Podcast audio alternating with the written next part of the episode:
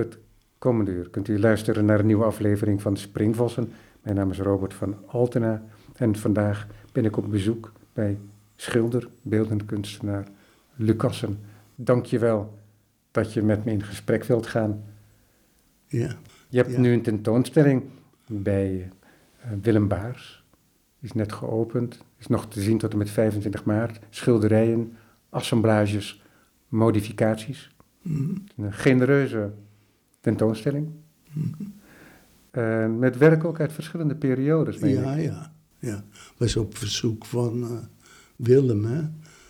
Ja, vanaf... eh, ja, ik dacht toch al vanaf de zestiger jaren dat er iets hing. Tot, eigenlijk tot voor kort, eh 2022, hè, ja. Dus jaren 60, dus dat is al redelijk aan het begin van je carrière. Ja, ik ben begonnen eh, vanaf 1960 eh, zelfstandig kunstenaar te zijn. Was dat altijd schilderkunst? Ja, was eh, al, eh, eh, ja, van aanvang af eh, schilderen en ook uiteraard tekenen of eh, wat gemengde technieken. Maar nooit excursies gemaakt? In wat voor betekenis? Nou, andere disciplines. Mm, nee, niet echt. Ik ben wel eh, vrij vroeg begonnen met ook eh, wat op te schrijven, zo. Dat wel. En was dat dan altijd omtrent de schilderkunst? Of is dat ruimer? Ruimer, ja. Ik zou Ja. zeggen dat dat wel wat ruimer is, ja. Ja, ja want dat is on- er is bij de opening, ik zie hem hier ook op tafel liggen, dus ik pak hem er even bij. Een, ook een boekje Oh, ja. gepresenteerd. eh, Symmetrie en proza-gedichten en essays. Ja, De eerste N is een ampersand, Hm. dus dat horen mensen niet op de radio. nee, nee. maar dat is toch betekenisvol. En daarin gedichten en Ja, en proza-gedichten. ja. verhalen. En Ja. ook optekening van andermans verhaal, waar het mee opent. Ja, ja, ja. Maar dat schrijven, dat was iets wat je schilder al- altijd begeleid heeft. Ja, toch wel, ja. Dat kan ik wel zeggen, ja. Ja, dat is het maar. Dus vaak in eh eh, essay-achtige vorm, die hier niet, die hier niet eh, in staan. Ja. Die ik eh, nou ja, eigenlijk eh, niet belangrijk genoeg vind, omdat het ingaat op situaties die op het moment golden. En ja, dat is toch denk ik wat eh, tijdgebonden. Hier heb ik dus, zover het essays zijn, er zijn een aantal essays die zich breder uitstrekken. Dus niet zo gebonden zijn aan, aan het moment. Ja. Maar het is een soort overstromen van gedachten hè, in het schrijven, die ook, ook spelen in je schilderkunst. Ja, Want in je schilderkunst, dat is beeldende kunst, Ja, voor alles. voor alles. Maar in die beeldende kunst, die figuratie kent, die abstractie kent en al dat soort hele brede termen die op geen enkele manier de lading dekken, Mm. is het zo dat je een soort vrijheid hebt ontwikkeld om, laten we zeggen, verschillende idiomen te combineren tot een eigen idioom. Ja, ja. En ja. nog altijd sprekend in algemene termen. En dat betekent dus ook dat taal een plek kan vinden in je schilderijen. En niet alleen in de vorm van titels, waar je gretig gebruik van maakt Maakt, ook van ja, titels. Maar ook in de schilderijen Rijen, zelf. Ja, dat klopt. Je hebt het eh, exact geformuleerd. Ja, maar eventjes ter samenvatting. Hè, dat, dat is gewoon altijd go- goed. Ik laat het ook wel eens achterwege. En dat vind ik dan eigenlijk altijd slordig van mezelf. Maar dan Ja. loopt het gesprek al en dan Ja, wil ik het gesprek niet onderbreken. Onderbreken, Ja, ja. Ja, ja want ehm, er is een, eh, een kaart, die was al eh, die is bij deze tentoonstelling ook verschenen, maar die had ik al eerder gezien, denk ik. ja? Europa After the Rain ja. naar Max Ernst. Ernst, ja. Een schilderij uit 1993. ja. Dat is een schilderij wat in eerste instantie grafisch is. ja. En Ehm, het ziet eruit alsof er een, alsof het een soort This Way Mr. Brown is ook. Hmm. Hè? Dat er eh, een soort stratenplan eh, Ja, eh, globaal is aangegeven. Maar er is ook meer, want die straten, die, de uiteinden van een aantal van die straten, zoals ik dat nu dan duid, hè, want Ja. daar moeten we ons niet aan ophangen, die zijn ook weer gevangen in een soort bijna biomorfe haak, Ja. hè, waardoor er een binnenruimte ontstaat, maar waardoor het ook iets lichamelijks krijgt zelfs. Ja. En er staat Rain Art en er staat 93 RL. RL, de Ja. initialen 93, het jaar van het voltooien, althans, ja, ja. van het schilderij. Want misschien heb je er wel langer aan Ik gewerkt. werkte meestal veel langer. En het ziet er ook tegelijkertijd uit alsof het bestoven is met kolengruis op een bepaalde manier. Ja, ja, En toch heeft het een hele klare uitdrukking. ja. Als je dan kijkt naar wat voor, met wat voor materiaal het ge- gemaakt is. Dus doek, ja. pigment, maar ook marmerstof. ja, ja. Waar komt dat marmerstof vandaan? Dat eh, is eigenlijk een, eh, eh, een, een methode die al lang gebruikt wordt hoor. Het is dus, als je dus gevoelig bent voor, voor een zekere matheid eh, eh, van het materiaal, dat het droog eh, vrij mat, dan is het, is het gewoon een trucje. Dan voeg je marmerpoeder toe aan, aan, het, aan de verf. Ik, ja, Ja. het is verder.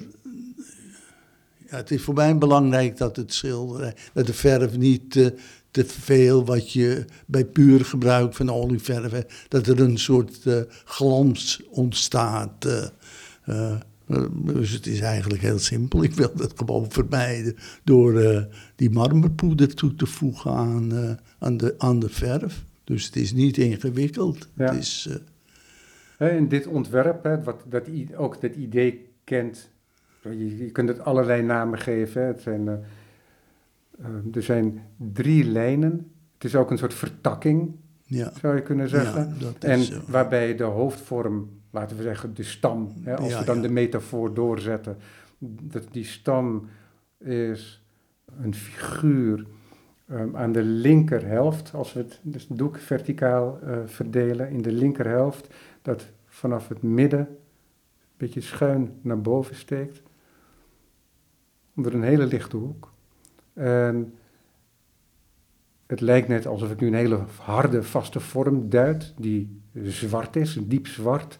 Maar tegelijkertijd is het zo dat die heel zacht is ook. Ja. Omdat de, er geen contour is. Hè. Er is Ja, ja. dus hij, hij verstrooit een beetje. Hm. En waardoor het tegelijkertijd geen lijn meer is, of een balk, maar het kan ook een soort voren worden zelfs. Hm. En dus er zit in die zin ook een enorme dieptesuggestie, Zie- geeft dat. ja. En ik benoem al die elementen, maar ook om aan jou te vragen hoe je tot zo'n ontwerp komt van zo'n schilderij. Van dit schilderij dan, want je hebt ja. behoorlijk uiteenlopend werk, ook Werk, ja, natuurlijk. ja. Weet je dat nog? Nee. Nee. Is er een manier van werken van Lucassen? Eh, nou ja, in die periode had ik eh, een wijze van werken waar ik... In dat duid eh, kan je herkennen door dat wat je gruisachtig noemt. Dat zit dus in die toevoeging van, het, van de marmerpoeder. Plus dat ik voor een groot deel in eerste instantie niet met een kwast werkte, maar met doeken. Ik veegde. Ik eh, veegde dat dus er heeft verf gestaan, dat veegde ik weg. Vandaar dat je dus eigenlijk eh, ja, die transparante Ja, achtergrond krijgt. Ja, Maar ja, dat is, is eigenlijk puur een, eh, een, een, een technisch gegeven. maar dat gebeurt tijdens het werken. Ja, gebeurt tijdens het werk, ja. Ja. En laten we zeggen, de, die samengestelde figuur die daar op het doek staat, bestond daar dan een tekening van op voorhand of werk je direct op doek? Eh, is wisselend. Of, Soms, of, of, is eh, het een, of is het een idee zelfs? Ik zou het niet echt uh, een idee willen noemen, nee. Nee. Nee. Nee. Ja, want dat speelt toch ook een, een, een rol, hè? Maar wat ik me dan afvraag, omdat er ook dit taalspel zit er ook in je werk. Mm. En misschien zelfs iets van de rebus. En wat dan interessant is aan de rebus, is dat eh, rebus kent zijn etymologische grond ook in de zaak, in het ding. Ja, ja. En dat is waar je mee bezig bent. Je bent Ja. een, een, een object aan het maken. Maken, ja. Dat is waar, ja. Ja. Maar doordat je taal gebruikt, is er ook iets wat buiten, naar iets buiten het doek wijst. Hè, als ik hier rain en art zie, Ja. dat zijn eh, verschijnselen Ja. die ook buiten dat doek weer bestaan. Net als de taal, waar we nu ook Mm, gebruik van maken voor deze ja, ja. microfoons. Nou, laten we dit doek ga, eh, gaan ja, la- voor, wat het is. Ja, Ja, maar dus jij bent in die jaren zestig, in die vroege jaren zestig al, ja. schilder. Hm. En hoe kwam je tot je eigen taal? Ehm, nou, dat was eigenlijk eh, voor mij heel voor de hand liggend. Toen ik begon, daarvoor zat ik op de opleiding voor tekenleraren. eh tussen eh, 57 en 60. Dan moet je natuurlijk, eh, ik tenminste, werd heel vaak met eh, beeldende kunst van anderen geconfronteerd. Zeker natuurlijk in het eh, Stedelijk Museum, wat dichtbij was, waar ik in die periode bijna iedere dag wel kwam. Wat was dus het verhaal dus in die tijd? Eh, de moderne kunst, en daar was ik ook van overtuigd, goeie, hè, dan heb ik het over echt eh, geslaagde moderne kunst, die was abstract.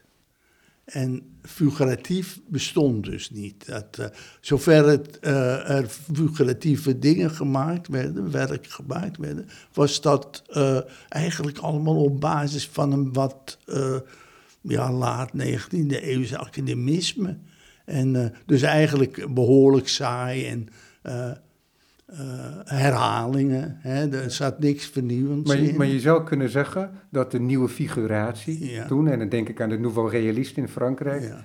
eh, dat die nieuwe figuratie bestond uit object trouvé en Ja. uit assemblages van eh, alledaagse De voorwerpen. voorwerpen, dat- dat, klopt. zin. Dat speelde een rol. Maar wat voor mij, als je vraagt wat, waarom ik tot die vorm kwam, ja. dat is dus wat ik net gezegd heb. Mijn overtuiging ook dat de enige echt goede, belangrijke moderne kunst die er gemaakt werd, abstract was. Was ik het helemaal mee eens.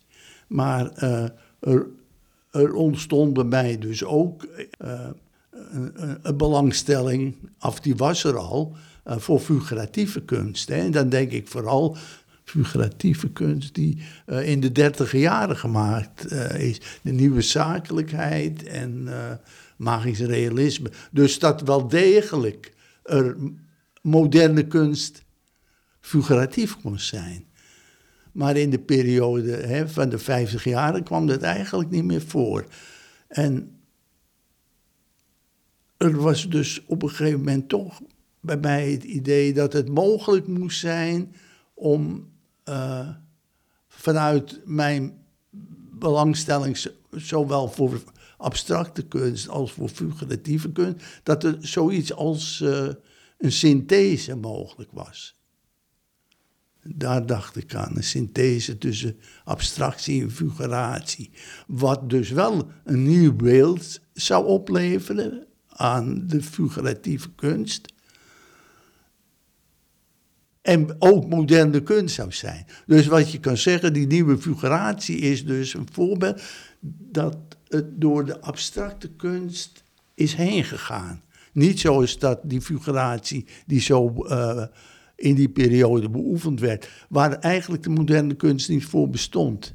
Dat, eh, die eh, waren ook vaak, eh, al bijna altijd, tegenstanders van abstracte kunst, die die figuratie beoefenden. En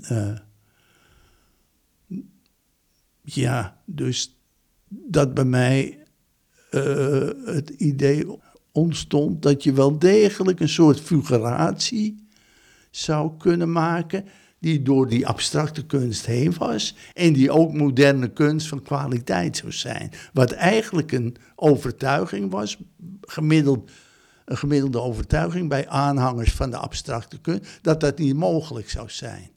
Ja, want het is zelfs heel lang geweest nog, tot in de jaren zeventig, waarbij het een soort taboe was. Zo. Ja, Hè, dat- ja, En dat ging best ver. Dat, ja, eh, ja. dat, dat ging er hard aan toe in de discussies daarover. Ja, ja, dat is waar. dan hadden we het echt over eh, een soort afvalligen van de orthodoxie. Ja, ja, dat klopt. En eh, Dit de ik belang... van horen zeggen natuurlijk, want ik ja, was toen... eh, ja, ja, nog wat te jong.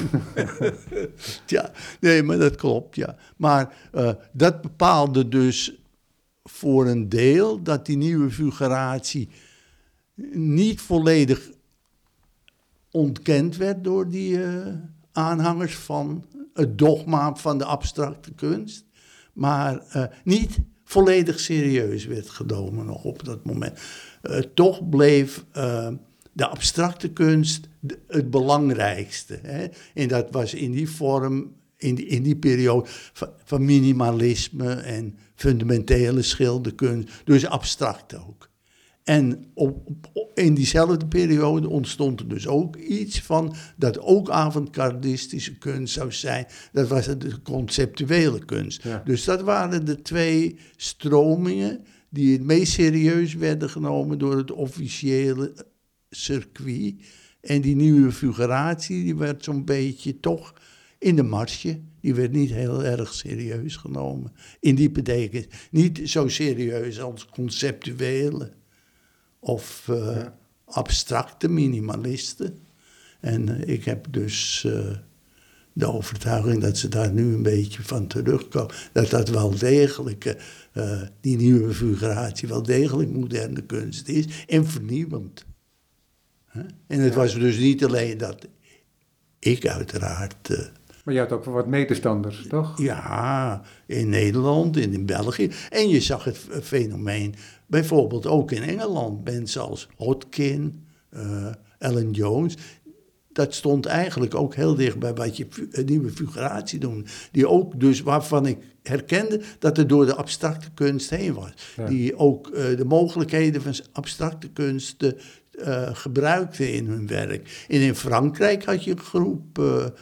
eh, ook een nieuwe figuratiegroep, die ook in die richting werkte. Dat waren onder andere, eh, die zat toen in die periode in Parijs, Pieter Sol, wat een Amerikaan is, die op heel hoog niveau in die periode, nou ja, noem het maar, nieuwe figuratieschilderijen heeft gemaakt. Maar er waren nog andere eh, bij die groep, Telemak, Bertelo, eh, uh, Telemak, Bertelo, er waren er nog een aantal. Maar deze herinner ik me eh, vooral. Ranciak.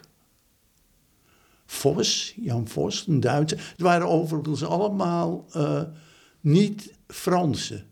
eh, die daar eh, zich wel in Parijs hadden gevestigd. Maar eh eh, Bertelo was geloof ik een Portugees. eh Ranciak een Cubaan.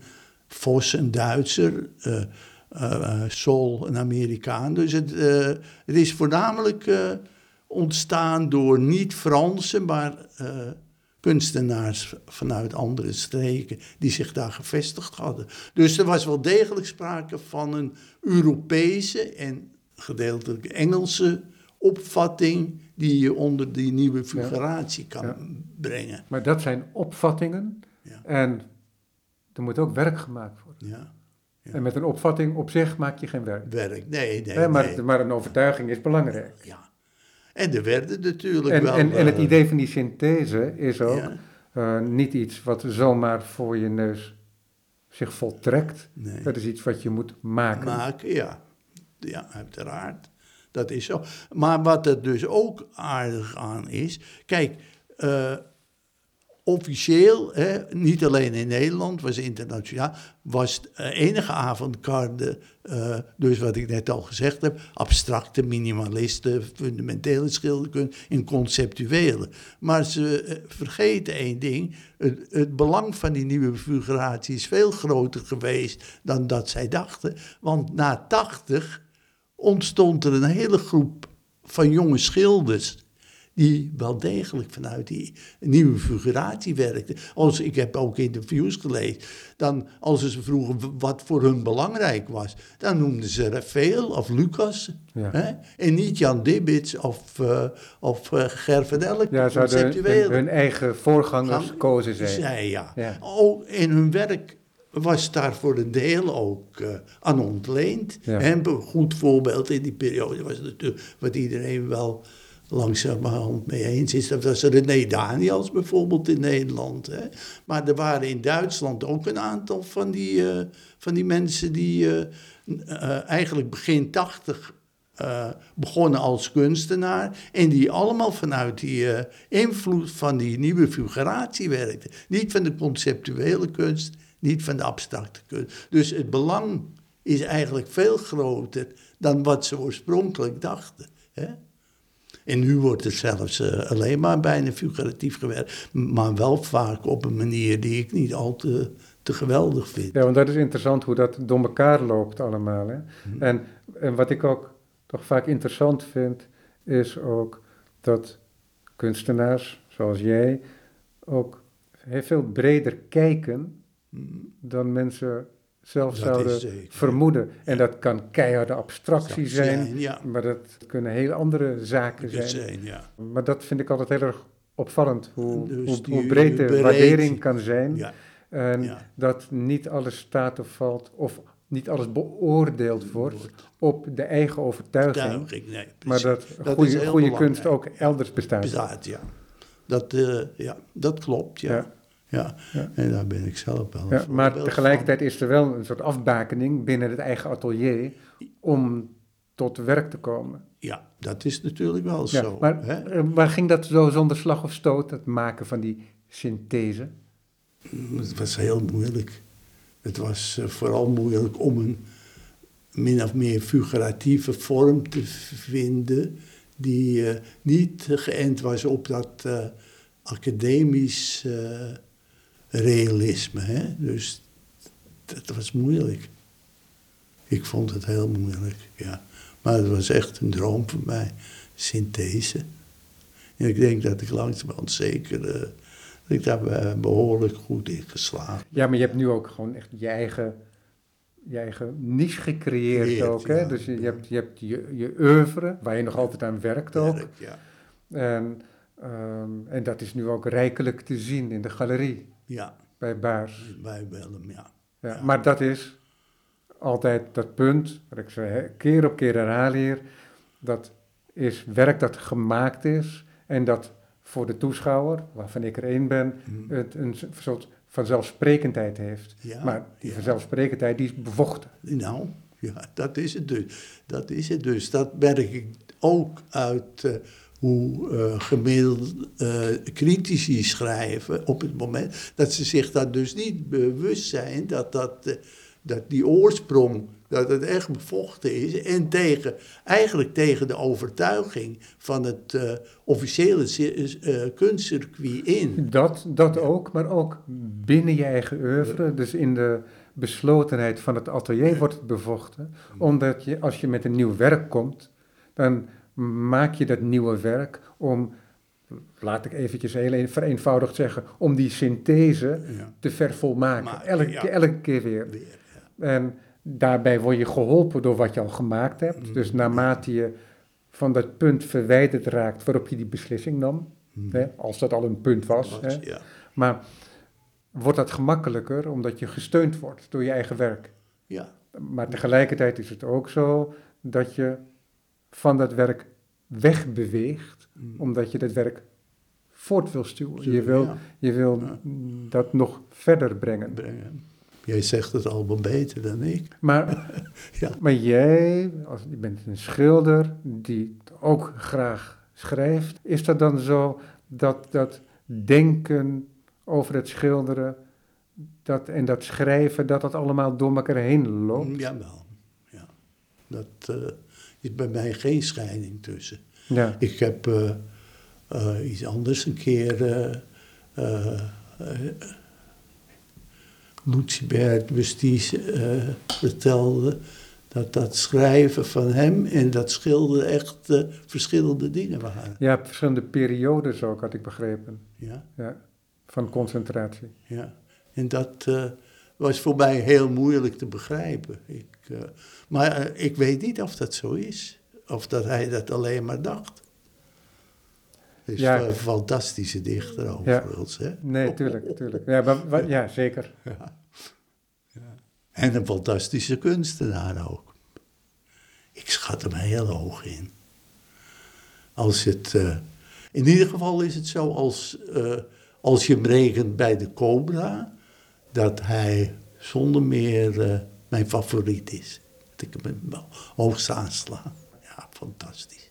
Die referentie aan Cobra, die is ook altijd een beetje gek, hè? omdat het een periode was van, nou laten we zeggen twee jaar.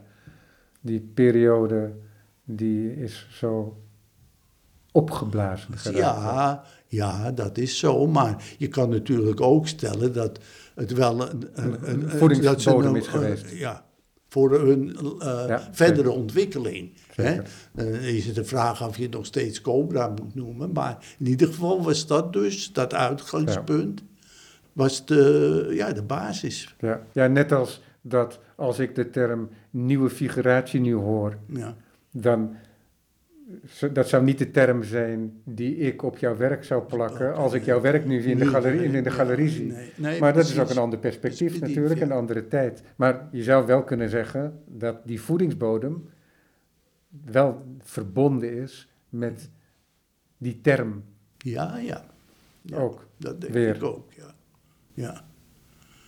En iets anders is natuurlijk ook, dat verklaart ook eh, eh, dat idee van die synthese, dat ik in oorsprong eh, natuurlijk eh, ook helemaal gericht was op eh, abstracte kunst. Dat dat voor mij ook, onder andere die Cobra, Lucibert, constant, vond ik ook geweldig. Nog steeds vind ik dat geweldig. Maar dat dat voor de mensen hier in Nederland die die nieuwe figuratie beoefenden. En dan denk ik zo aan eh, Alfons Vrijmoed, eh, Hannes Posma, Pieter Holstein. Waren allemaal eh, geweldig eh, gegrepen door die, het werk, laten we dat nog maar noemen, van die. Hè? Dus dat, dat waren hun voorbeelden in eerste instantie. En je kan het ook in het vroegste werk bij de meesten terugvinden, dan ook bij mij hoor. Ja, de grond die daar vrijgemaakt Maakt is en is, ja. omgewoeld is, Ja. Die was nog altijd vruchtbaar. Waar, nou en of, ja. Ja. Ja. ja. Dat klopt. Dat begrijp ik ook wel, omdat het ook een enorme vrijheid is. Nou, ja. ja. En ja, datzelfde gebaar, dat kun je niet herhalen. Hmm. En dat is het, het gewicht ook van het maken van nieuw werk. Hmm. Is dat je dat voor jezelf moet uitvinden. Vinden, ja. Ja. Maar dat deed je niet geïsoleerd, dat deed je niet in Nee, eentje. nee, nee. Ik had natuurlijk, eh, los van die Nederland, ik had al heel snel, ik geloof vanaf 1964, eh, contact met een eh, aantal Belgen. En dat, die kwam tot stand doordat vanuit België, geloof ik, een, een, een tentoonstelling in Kortrijk werd georganiseerd van Nederlands en Vlaamse kunstenaars. En daar heb ik dus bijvoorbeeld in eerste instantie eh Raphaël ontmoet. Dat was in 1965. Dus Raphaël, die bracht me in contact met de keizer en met Elias. Dus buiten Nederland had ik dus ook een goed contact met mensen die in, laten we het maar zeggen, die in die richting werken. Hè, van die Ja, een, een zekere gelijkgestemdheid. Ja, Ja. ja. Ja, om niet te spreken van groepen en zo. Nee, omdat nee, dat heeft we hebben nooit echt een groep gevormd. Nee. Achteraf denk ik dat dat eh, eh, strategisch gezien, maar daar ben ik nooit mee bezig geweest, eh, beter is. Men neemt groepen en nul Ja, nou, nul, nul was bijna een marketingproject. project, hè? Ja. Van Peters. Dus dat wordt dan meer opgemerkt, sneller opgemerkt. En het krijgt ook meer aandacht. het was ook En niet voor niks ons- natuurlijk, want er zaten jongens bij die ook journalistiek werkten. Ja, niet allemaal, maar... En ze hadden natuurlijk ook Peters, die dat, die rol ook op zich nam als een soort ambassadeur ja. voor dat Ja. project. Ja, wat een geweldige man. Ja, vond ik echt een hele goede man. Ja. Dus eh, ik kan nu zeggen dat ik eh, ook van die mensen eh, vanuit die nulbeweging een aantal heel erg goed vind. Dus ik heb dus die, niet die beperking dat ik me nu alleen, dat ik alleen gefixeerd ben op iets wat dan onder de noemer nieuwe figuratie Ja. valt. Ik wil graag weer een beetje terugbewegen naar je werk en ook het Ja. werk dat nu te zien is. Kijk, die titel, schilderijen, assemblages, modificaties. Je zou kunnen zeggen dat het een hele pragmatische titel is, maar tegelijkertijd schuilt daar toch wel wat meer achter ook. Hè, want het zijn schilderijen, assemblages. Met assemblages wil je ook zeggen dat je aan die schilderkunst ook objecten De toevoegt. toevoegt, ja. Ja, ander, met ander materiaal Ja, werkt dan met penseel, pigment, verf en doek. Maar je hebt ook modificaties. Mm, En die modificaties, er schuilt toch weer een bepaalde houding achter ook. mm. En eh, misschien kun je daar iets over vertellen. Ja. En modificaties. In mijn geval, maar eigenlijk altijd bij anderen ook. Eh, ik denk dat het voor die anderen ook geldt. Die modificaties hebben gemaakt. Dat je dus zo afgedankte en terecht ook eh, schilderijtjes vindt op rommelmarkten. Die ver onder de maat zijn. Maar bij een enkele zie je dus opeens, zelfs in een helder licht, eh, dat het mogelijkheden heeft om dat wat eigenlijk niks is, te maken tot, tot wel een echt kunstwerk. Ik, eh, ja, dat was mijn motivatie. En ik denk bij de anderen, ook, je weet het vermoedelijk, dat Jorren heeft hele mooie modificaties gemaakt. Eh Enrico Baai ook. Wie was Enrico Baai en de man van de Nouvelle, Nouvelle eh, Realisme, Fransman. Nee, Spory bedoel ik. André Ja, Sporry. Ja, Ja. hele goede. Dus tot zover was het dus niet iets wat, eh, eh, wat ik als eerste beoefend heb. En ik weet dus dat het verder gaat. Verder gaat dan dat de eerste dingen die ik zag, die waren van Victor Brauner. Modificaties. En dat is een beetje uit de twintig jaren. Hè? Ja. Hoorde bij het surrealisme eh, Brauner. En veel later ontdekte ik dus dat eh, de eerste modificaties die ik gezien heb bij uh, James Ensor. Die heeft er een aantal gemaakt. Oh, die ken ik niet. Mooi. Fantastisch. Maar die zijn natuurlijk heel binnen het oeuvre eh, behoorlijk marginaal gebleven natuurlijk. Mensen zagen dat misschien als een soort rarigheid. Dat, eh, hij bewerkte bijvoorbeeld een academiestudie van een, een naakte zwarte man. Je moet nu zwarte man zeggen, hè, geloof ik. Hè, toch? Politiek hoor. Ja, ik denk dat dat goed is. Ja. Ja. Dat was een, een, dul, ja. een dul academiewerk. Ik weet niet of het van hem was of van een eh, andere medeleerling. Nou, daar heeft hij een schilderij van gemaakt. Ongelooflijk goed. Dus ik zeg dat eigenlijk alleen maar om als voorbeeld van dat de eerste, zover ik weet, die binnen de westerse beeldende kunst gemodificeerd heeft, dat dat uh, Ensor is. Ja, ja we, we, kunnen de term helemaal oprekken natuurlijk. En uh, naar een 17e eeuwse meesters gaan die over de schouder van een leerling opeens een, uh, een schilderij tot schilderij Nee, maken. maken, He, dus, ja. dus we kunnen dat helemaal oprekken. Oprekken, maar ik begrijp ja. zeker wat je bedoelt. Dat binnen het modernisme dat dat ook conceptueel De- gezien zien, een, een, een andere gebaar wordt. Ja, dat klopt, ja. Maar jij bent dan weliswaar niet de eerste, maar je doet het. En op, het is ook heel natuurlijk. Want jij zegt net, het is een marginaal gebleven binnen het oeuvre van Ensor. ja. Maar bij jou sluit het veel gemakkelijker aan Ja, bij jouw eigen schilderkunst. ja. En dat heeft te maken met bepaalde kwaliteiten van je eigen schilderkunst. Want dat schilderij, wat ik zojuist als voorbeeld noemde, is misschien niet typerend daarvoor. Maar je kan een soort naïeve figuratie toevoegen Mm. aan je schilderijen, die, zoals je zei, geïnformeerd zijn door eh, de abstractie. Ja. Dus dat idee van die synthese is nog altijd werkzaam, Mm. maar waarbij ook taal aan toegevoegd is. Mhm. Ehm, geen volzinnen, Mhm. maar een soort telegramstijl, Stijl, ja. ook met afkortingen, ja. en waardoor er een suggestie is. En waardoor er al een bepaalde ruimte ontstaat. Maar wat heel interessant is daaraan, vind ik, jij creëert een bepaalde ruimte waar ik in kan dwalen, visueel, maar ook mentaal. Mhm. En mentaal via woord, maar ook semiotisch, hè, via Ja. teken. Hè. ja. En teken, dat kan een abstract teken zijn, maar dat kan ook een verwijzing zijn naar de werkelijkheid. Heid, ja. En buiten eh, het schilderij. Dus die ruimte creëren. En dat is iets waar ik in welkom ben als kijker. Maar tegelijkertijd zit daar ook eh, iets hermetisch in. Ja. En dat is een hele mooie combinatie. Die eh, voor een, laten we zeggen, een soort poëtische verwarring kan zorgen.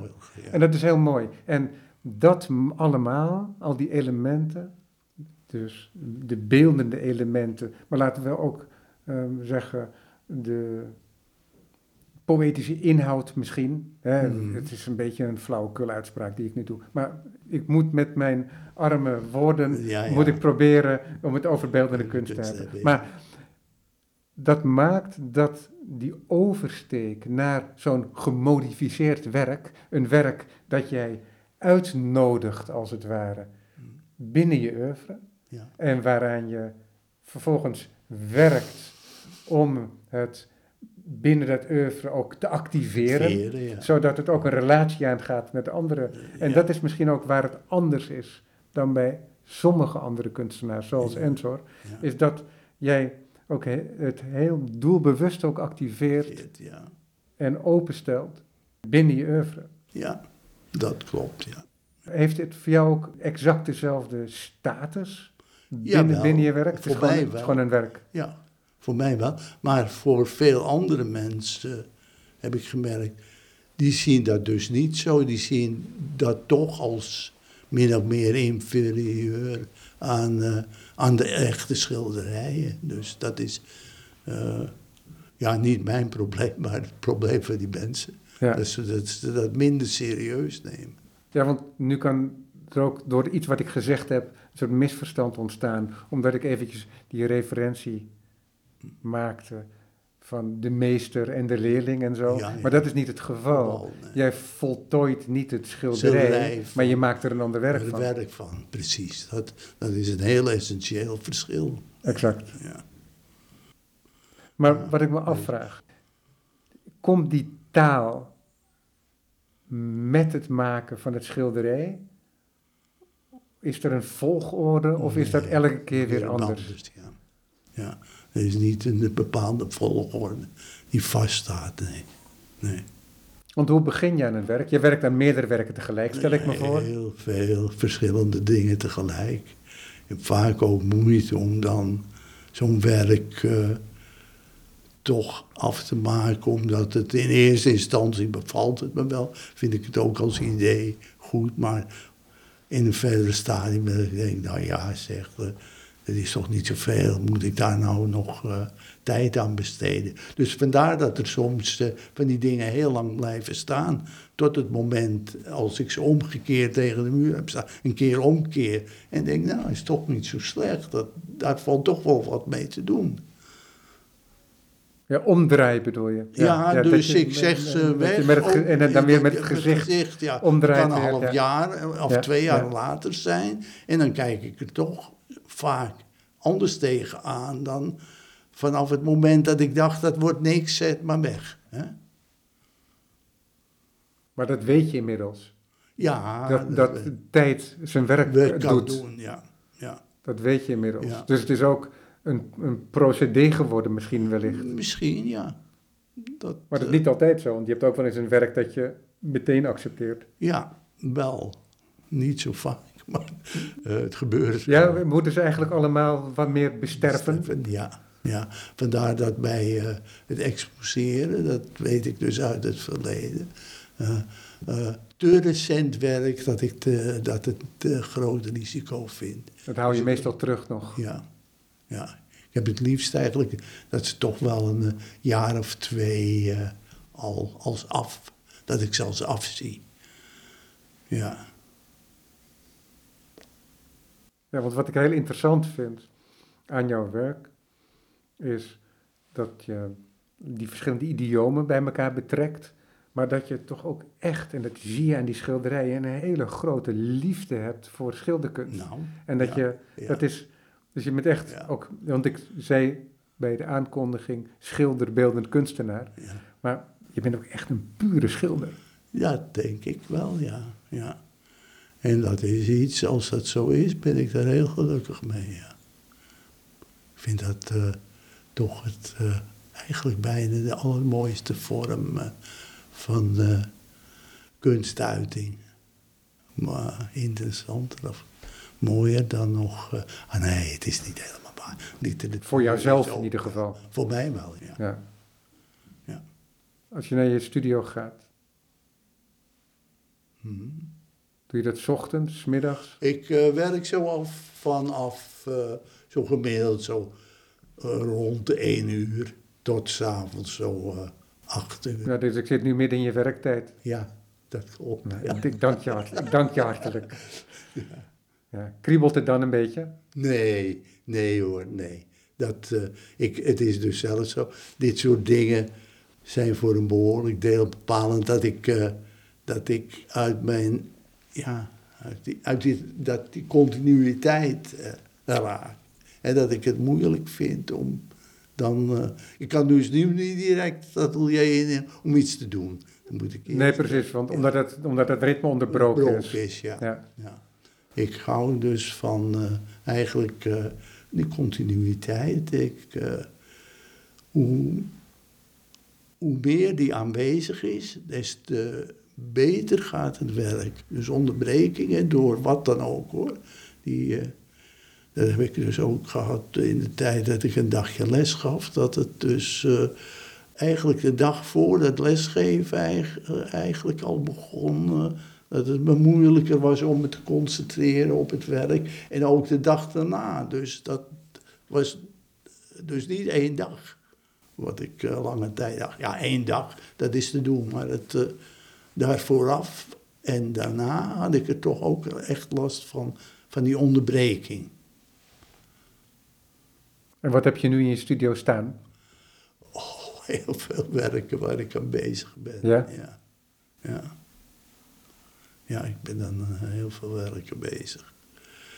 Maar ik heb nu dus wel iets ook van, eh, om, omdat ik je net vertelde dat ik soms dingen die jaren eh, geleden gemaakt zijn, maar niet goed bevonden, dat ik, dat, eh, dat ik daar dus op het moment wel aan werk om reden dat ik dacht, op een leeftijd nu, van ik wil niet eh, te veel van die half afgemaakte werken achterlaten. Dus ik ben ook een beetje, ik ben op het moment bezig aan een, aan een schilderij, dat is uit 86, dat is toch wel enige tijd geleden.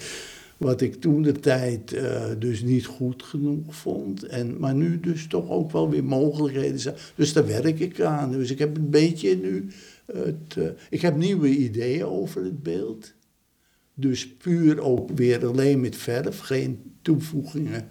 Hè, zoals bij assemblage of modification. Maar dat moet ik eh, noodgedwongen een beetje uitstellen. En dat is heel vervelend voor mij nu. Eh, omdat ik dus toch, eh, nou ja, zo'n half, of, of een oeuvre onafgemaakte werken eh, nalaten, dat zie ik dus niet zitten. Nee, dat begrijp ik. Ja. Ja. Maar zou je kunnen zeggen, hè, staat mij toe dat ik het in ieder geval zeg, dat het oppakken van zo'n werk uit de jaren 80, nu in 2023, ook in zekere zin een modificatie is van je, van je eigen, werk, van je wel. eigen Ja, werk. dat is Omdat dus je zo, inmiddels dat ook klopt. heel ander werk andere hebt ontwikkeld. Ja. Nee, dat klopt. Ja, dat realiseerde ik me laatst ook, ja. Het toch ook een bijna een vorm van modificatie is, ja. Ja, Dat is interessant, toch? ja. Dat is heel dat- ik- interessant, ja. ja. Vind ik ook, hoor. Ja. Het is goed dat je dat zegt, ja. Maar daar heb je er een paar van nog. Ja, Ja. ja. En daar ben ik op het moment dus dan wel mee bezig. Hè. Dat, eh, ja, de leeftijd. Ik sprak met Jan van Munster Ja. deze Oh, week. ja. Dus dat gesprek wordt ook nog uitgezonden. En Jan, die heeft ooit in een eerder gesprek ook tegen mij gezegd, en hij herhaalde het nu ook weer, ja, dat je als kunstenaar, ja, als je drie goede werken maakt in een hele leven, waar je echt tevreden over bent, hè, nee, dan, dan, dan legt hij de lat hoog. Hè. Ja, ja. Als je drie echte goede werken maakt, dan kun je tevreden zijn. Zijn, ja. Heb jij ook dat soort gedachten? Of Ik belast denk, je jezelf daar niet nee, mee? Nee, nee, dat heb ik dus ook hoor. Ja. Maar het zijn er dan wel wat meer dan drie.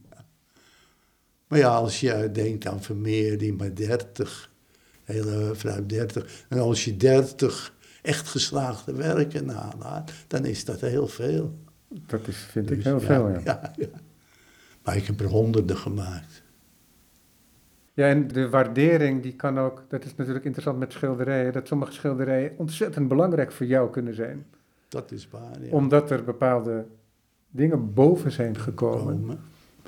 Ja, en dat ik dat eh, natuurlijk dan ook. Heb jij zo in je hoofd een aantal van dat soort werken die zo'n positie innemen? Ja, wel. Ja. En, eh, Ben je daaraan blijven vasthouden dan ook? Of niet per definitie?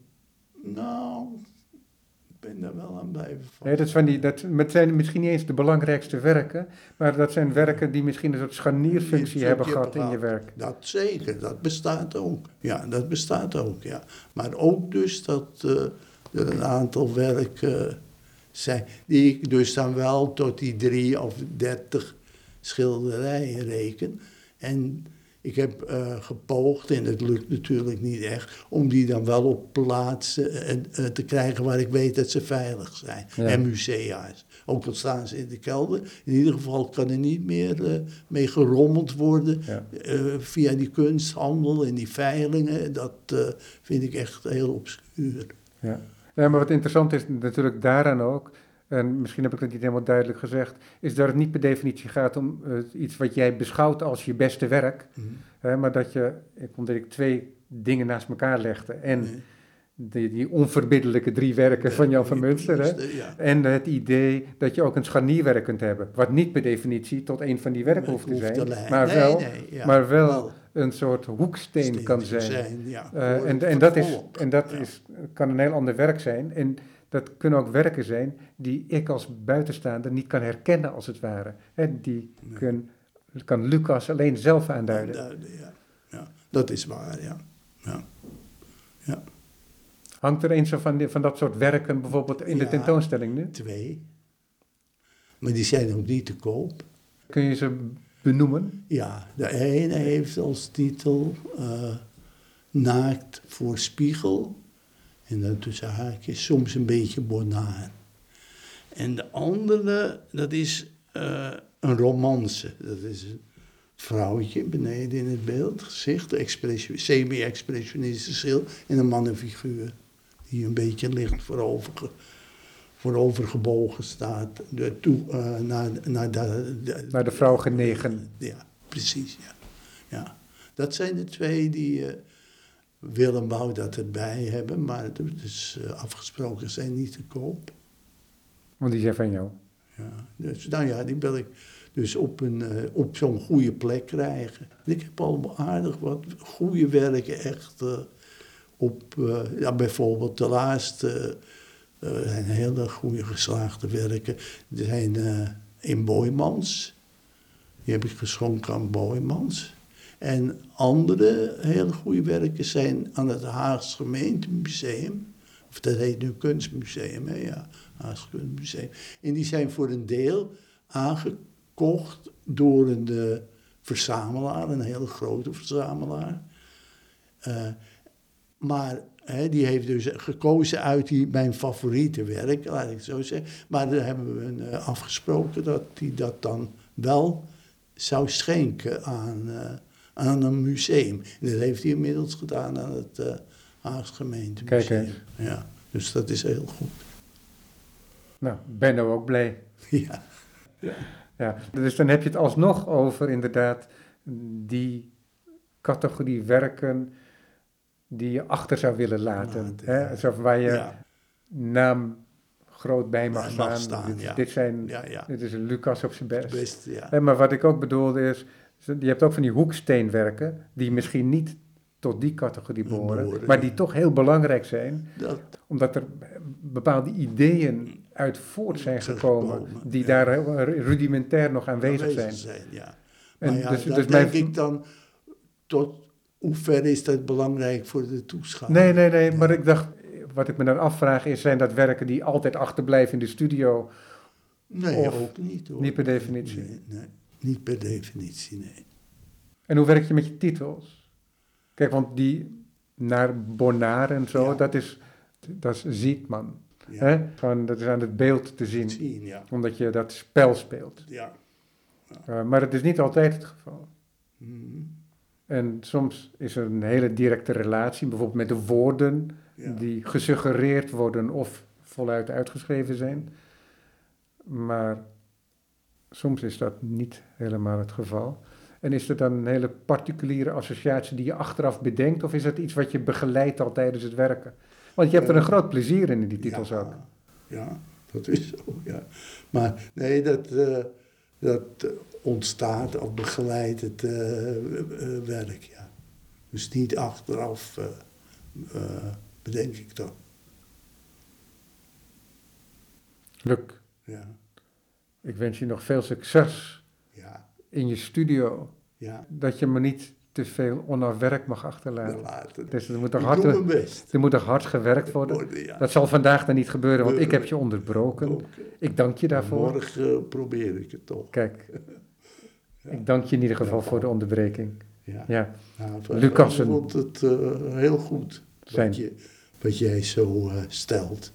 schilderijen, assemblages, modificaties.